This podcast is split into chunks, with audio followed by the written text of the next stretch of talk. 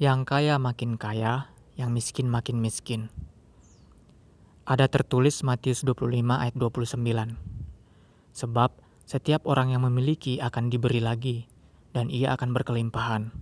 Akan tetapi, dari orang yang tidak memiliki, bahkan apa yang ia miliki akan diambil. Apakah yang ada di benakmu ketika mendengar pepatah yang jadi judul episode ini? Aku menduga pikirmu adalah sesuatu yang berhubungan dengan ketidakadilan. Aku tak akan berdebat dengan masalah ekonomi yang sedang kamu alami, atau bagaimana dunia ini tidak adil kepadamu, atau betapa kamu mengutuk mereka yang berada di atas karena beban hidup yang kamu rasa terlalu berat, atau ideologi kapitalisme di bumi. Sebab aku tak peduli. Yang kupedulikan adalah firman setelahnya. Jujur agak sulit bagiku untuk membagikan hikmat yang dinyatakan kepadaku atas penggalan firman itu. Aku bingung mau mulai dari mana dan bagaimana menjabarkannya. Penyebabnya karena Tuhan segera menghujaniku dengan mengingatkanku sejumlah ayat bersangkutan. Namun, aku akan menguraikan sebisa mungkin sejauh Tuhan menghendakiku di sini. Baiklah, kita mulai seperti biasa dengan pertanyaan. Pertanyaannya, Manakah yang lebih baik, kaya atau miskin? Silakan jawab untuk dirimu sendiri. Kalau aku menjawab adalah lebih baik kaya daripada miskin, dan firman keselamatan mendukung ini. Tertulis di 2 Korintus 8 ayat 9. Sebab kamu mengetahui anugerah Tuhan kita Yesus Kristus, bahwa walaupun ia kaya, ia rela menjadi miskin demi kamu, supaya melalui kemiskinannya kamu menjadi kaya. Mungkin ada yang tidak setuju dengan penafsiran kaya akan ayat barusan. Untuk mereka yang tidak setuju, aku akan menanyakan pertanyaan Sang Maha Pemberi. Di manakah imanmu? Mungkin juga mereka terlupa bunyi firman Yohanes 10 ayat 10. Aku mengerti bahwa persoalan kaya dan miskin selalu menimbulkan perselisihan, bukan saja di masyarakat umum, namun juga dalam gereja. Beberapa perkataan Tuhan yang adalah pedang bermata dua juga seolah menyatakan kontradiksi. Satu sisi mendukung menentang kaya, tetapi satu sisi mendukung menentang, menentang miskin. Berikut beberapa contoh besarnya. Tertulis di Kejadian 24 ayat 35. Tuhan sangat memberkati tuanku Abraham, dan dia telah menjadi kaya. Dia telah memberinya kawanan domba dan sapi, perak dan emas, hamba-hamba laki-laki maupun perempuan, serta banyak unta dan keledai. Lukas 16 ayat 25 Akan tetapi Abraham berkata, Nak, ingatlah ketika kamu masih hidup, kamu sudah menerima hal-hal yang baik, sementara Lazarus menerima hal-hal yang buruk. Sekarang, di sini Lazarus dihibur, sementara kamu disiksa. Amsal 28 ayat 6 Lebih baik orang miskin yang berjalan dalam kejujuran daripada orang yang orang kaya yang bengkok jalannya. Lukas 19 ayat 24 sampai 26 Lalu raja itu berkata kepada orang-orang yang berdiri di situ, Ambil mina itu darinya dan berikanlah kepada orang yang mempunyai sepuluh mina. Namun mereka berkata kepada sang raja, Tuan, hamba itu sudah mempunyai sepuluh mina. Jawab raja itu, Aku berkata kepadamu, setiap orang yang mempunyai akan diberi lebih, tetapi dari orang yang tidak mempunyai apa pun, semua yang dimilikinya akan diambil. Jika dibaca secara konteks, maka ayat-ayat di ayat-ayat barusan tidaklah menyatakan kontradiksi, namun pengajaran khusus. Termasuk juga firman yang menjadi topik dalam podcast episode podcast kali ini. Dituliskan, setiap orang yang memiliki akan diberi lagi dan ia akan berkelimpahan. Akan tetapi, dari orang yang tidak memiliki bahkan apa yang ia miliki akan diambil. Sekarang, aku akan menuliskan hikmat yang dinyatakannya kepadaku. Hikmat apakah itu? Jawabannya adalah Hikmat bahwa pengertian akan firman tidaklah terbatas sebagaimana Tuhan dengan segala kecerdasannya.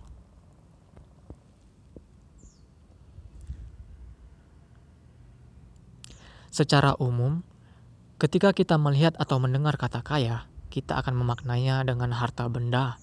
Seberapa banyak seseorang memiliki uang, emas, usaha, penghasilan, mobil, tanah, dan lain-lain. Namun, kita abai jika seseorang juga bisa dibilang kaya pengetahuan atau pelit ilmu. Ditulis di Amsal 8 ayat 12. Bandingkan juga Wahyu 3 ayat 17. Demikian, karena kamu berkata, "Aku kaya, berkelimpahan, dan tidak kekurangan apa-apa," dan tidak tahu bahwa sesungguhnya kamu sengsara, malang, miskin, buta, dan telanjang. Semisalnya saja aku, bisa dibilang aku adalah orang yang kaya pengetahuan, walaupun aku miskin harta benda. Ya, kalau Tuhan berkehendak nanti agar aku diberkati menjadi sekaya J.K. Rowling, maka aku akan kaya. Kalau tidak, ya tidak. Toh hidup tidak ditentukan oleh harta dan mati pun tidak membawa apa-apa. Bisa saja aku mati dirampok setengah jam lagi. Lagian harta rohaniku sedang terkumpul di surga. Ada tertulis Lukas 12 ayat 15. Kemudian Yesus berkata kepada mereka, Berjaga-jagalah dan waspadalah atas segala bentuk keserakahan, karena hidup seseorang tidak tergantung pada banyaknya harta yang ia miliki. Amsal 10 ayat 22, Berkat Tuhan menjadikan kaya, dan dia tidak menambahkan kesusahan padanya. Selanjutnya mari kita kembali ke perkataan Sang Raja. Dia bilang setiap orang yang memiliki akan diberi lagi, dan ia akan berkelimpahan. Akan tetapi, dari orang yang tidak memiliki, bahkan apa yang ia miliki akan diambil. Sekarang perhatikan, ini adalah kebenaran camkanlah. Ini adalah ketetapan yang dia tetapkan. Ini seperti mengatakan kalau api itu panas.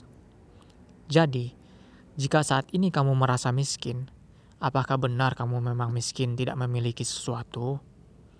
Apakah kamu tidak memiliki bakat alias talenta atau sesuatu yang bisa kamu investasikan atau kembangkan agar berbuah? Sebab, tidak mungkinlah Tuhan menaruhmu di bumi tanpa satupun kekayaan yang jadi pertanyaan besarnya sekarang adalah apa saja yang kamu miliki. Coba renungkan dan tulis dan olah. Mungkin kamu berpikir, tapi aku memang gak bisa apa-apa, gak ada bakat. Orang kaya udah enak, mereka gak perlu lagi repot-repot. Dan lain sebagainya kamu mengeluh berbagai macam. Namun, karena aku tipe orang yang suka damai, maka aku akan membuat satu yang masuk akal sekali lagi di sini agar kamu bisa melihat. Coba kita perhatikan orang-orang kaya. Mereka sudah memiliki dan diberi lagi dan berkelimpahan. Namun, apakah kekayaan mereka itu didapat secara jujur? Jika jawabannya tidak, maka Tuhan sudah mengambil sesuatu dari mereka yang tidak mereka miliki, yaitu mungkin ketenangan batin, kesehatan tubuh, waktu untuk menikmati kekayaan, ketentraman keluarga, ketentraman keluarga, nilai-nilai kebaikan, kesehatan jiwa, kebaikan hati, dan lain-lain. Kita pun tidak tahu walau mereka kaya harta benda, tetapi mereka punya persoalan internal yang membawa mereka ke dalam kegelapan tanpa terang Injil. Atau, patutkah kamu iri melihat mereka yang kaya karena kerja keras mereka diberkati Tuhan? Dan untuk mereka yang miskin dan ingin berpunya harta benda alias menjadi kaya, aku perintahkan untuk tetap menabur dan milikilah mental yang berdasarkan firman. Apakah mental yang berdasarkan firman? Jawabannya adalah, jika menurut firman topik kali ini, maka apa yang kamu miliki akan diberi lagi. Apakah itu tekad? Apakah itu kerajinan? Apakah itu semangat? Apakah itu optimisme? Apakah itu ilmu pengetahuan? Apakah itu koneksi, kesabaran, keahlian tangan, hobi memasak, hobi menulis, hobi membantu, hobi menyanyi, suka berhitung, suka bermain gitar, kuat bekerja, kuat berlari, dan lain-lain. Semisalnya tentangku. Sebelum Tuhan menarikku, bisa dibilang rasa malasku lebih besar daripada rasa rajin. Aku selalu bermalas-malasan, enggan mau mengerjakan pekerjaan serta menunda-nunda. Inilah salah satu akibat dosa. Namun, setelah hikmat ini dianugerahi, sekarang aku mengerti mengapa setiap orang yang memiliki akan diberi lagi dan ia akan berkelimpahan. Jawabannya sudah ditulis di atas. Karena ini adalah kebenaran firman. Camkanlah, ini adalah ketetapan yang dia tetapkan, seperti mengatakan kalau api itu panas. Ini berarti, jika aku rajin, maka aku akan jadi semakin rajin, dan Tuhan membuatku semakin rajin dan berkelimpahan. Untuk itu aku berhenti mematuhi rasa malas atas atau pro prokrastinasiku tidak peduli perkataan sekitar yang bilang sok rajin lah, atau gajiku tidak sesuai, atau rekan kerjaku kurang kerjanya kurang tidak sepertiku dan sebagainya. Bagi mereka yang malas gerak atau mager, kemungkinan besar karena mereka mencintai kesenangan. Bandingkan Amsal 21 ayat 17. Berarti mereka selalu mematuhi rasa malas dan akibatnya rasa rajin itu akan diambil dari mereka. Bahkan rasa rajin yang sedikit yang mereka miliki akan diambil dan mengakibatkan mereka miskin secara rohani, tanpa peluang kaya rohani atau harta benda sekalipun. Di sisi lain, berarti rasa malas yang mereka miliki akan diberi lagi dan mereka akan berkelimpahan dengan rasa malas. Jika aku rajin, maka aku jadi semakin rajin. Jika aku malas, maka aku jadi semakin malas. Jika aku semakin teguh, maka aku jadi semakin teguh. Jika aku marah, maka aku jadi semakin marah. Jika aku memandaikan diri, maka aku jadi semakin pandai. Jika aku berontak, maka aku jadi semakin pemberontak. Jika aku lebih mendengarkan daripada abai, maka aku jadi semakin berisi. Jika aku memikirkan hal-hal baik, bandingkan Filipi 4 ayat 8, maka pikiranku jadi semakin baik. Jika aku memiliki hawa nafsu dan mematuhi itu untuk makan tanpa henti, maka aku jadi semakin rakus. Jika aku berkeinginan untuk berbuat baik dan menurutinya, maka aku jadi semakin baik. Jika waktuku kusediakan untuk firman, membaca, mendengarkan, menyelidiki, maka aku jadi semakin hidup. Bandingkan Yohanes 6 ayat 63. Jika aku mengeluh, maka aku jadi semakin pecundang. Jika aku memiliki pedang dan mengasahnya, maka pedangku jadi semakin tajam. Jika aku memiliki daging dan selalu mematuhi daging, maka aku jadi semakin mati. Bandingkan Matius 26 ayat 41. Jika aku memiliki roh dan selalu mematuhi roh, maka aku jadi semakin hidup. Bandingkan Markus 14 ayat 38. Jika kamarku tidak kubiarkan kotor, maka kamarku jadi semakin bersih. Jika aku memiliki benci, maka aku jadi semakin membenci. Jika aku memiliki kasih, maka aku jadi semakin mengasihi. Jika aku merasa cukup, maka aku akan jadi semakin cukup. Sekarang giliranmu. Cobalah renungkan apa yang kamu miliki dan rangkai kalimat yang aku bacakan barusan, seperti yang aku baca.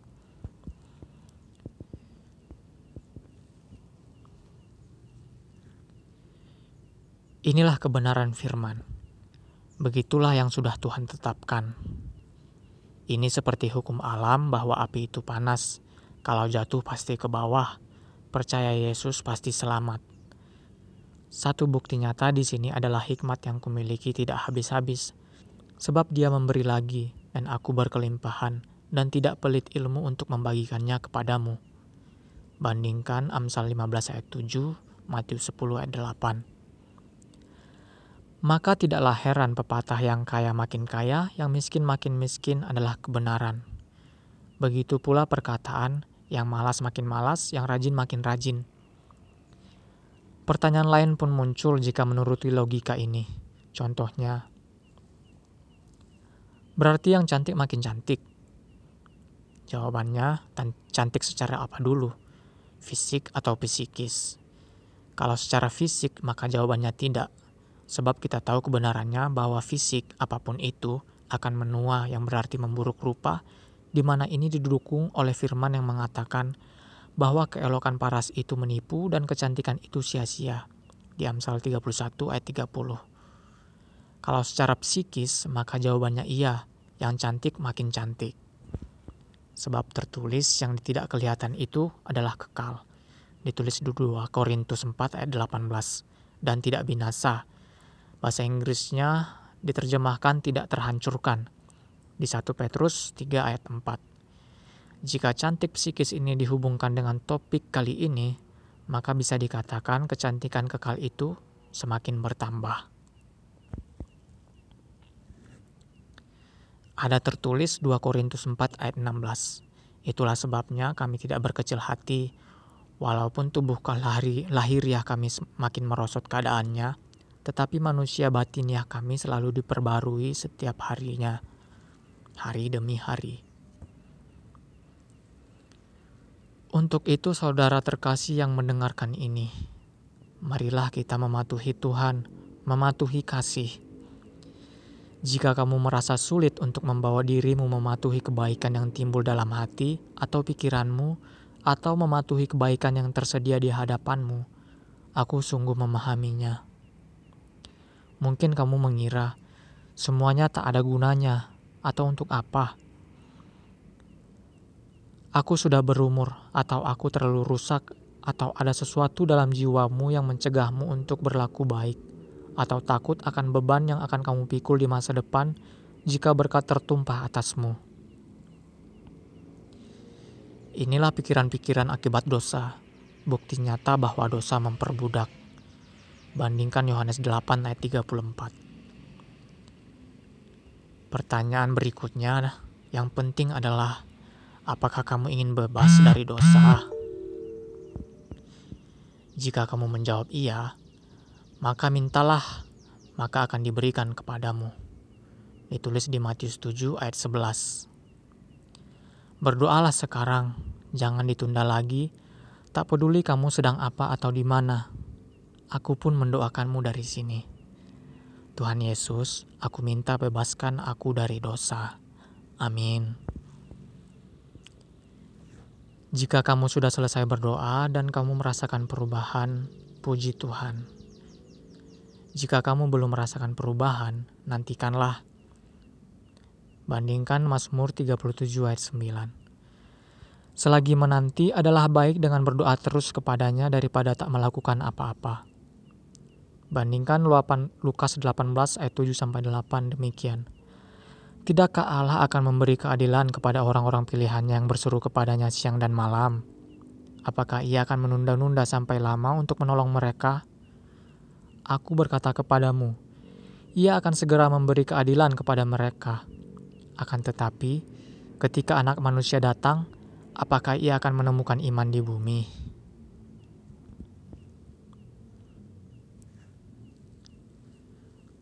Tetapi, jika setelah lama, katakanlah tiga minggu kamu belum merasakan perubahan bebas dari dosa tersebut, maka sudah saatnya untuk minta ampun, minta maaf, minta tolong, meminta kemurahan Tuhan Sang Raja, mengemis dengan segala kerendahan diri dan takut, sebab mungkin Dia tidak mau membebaskanmu.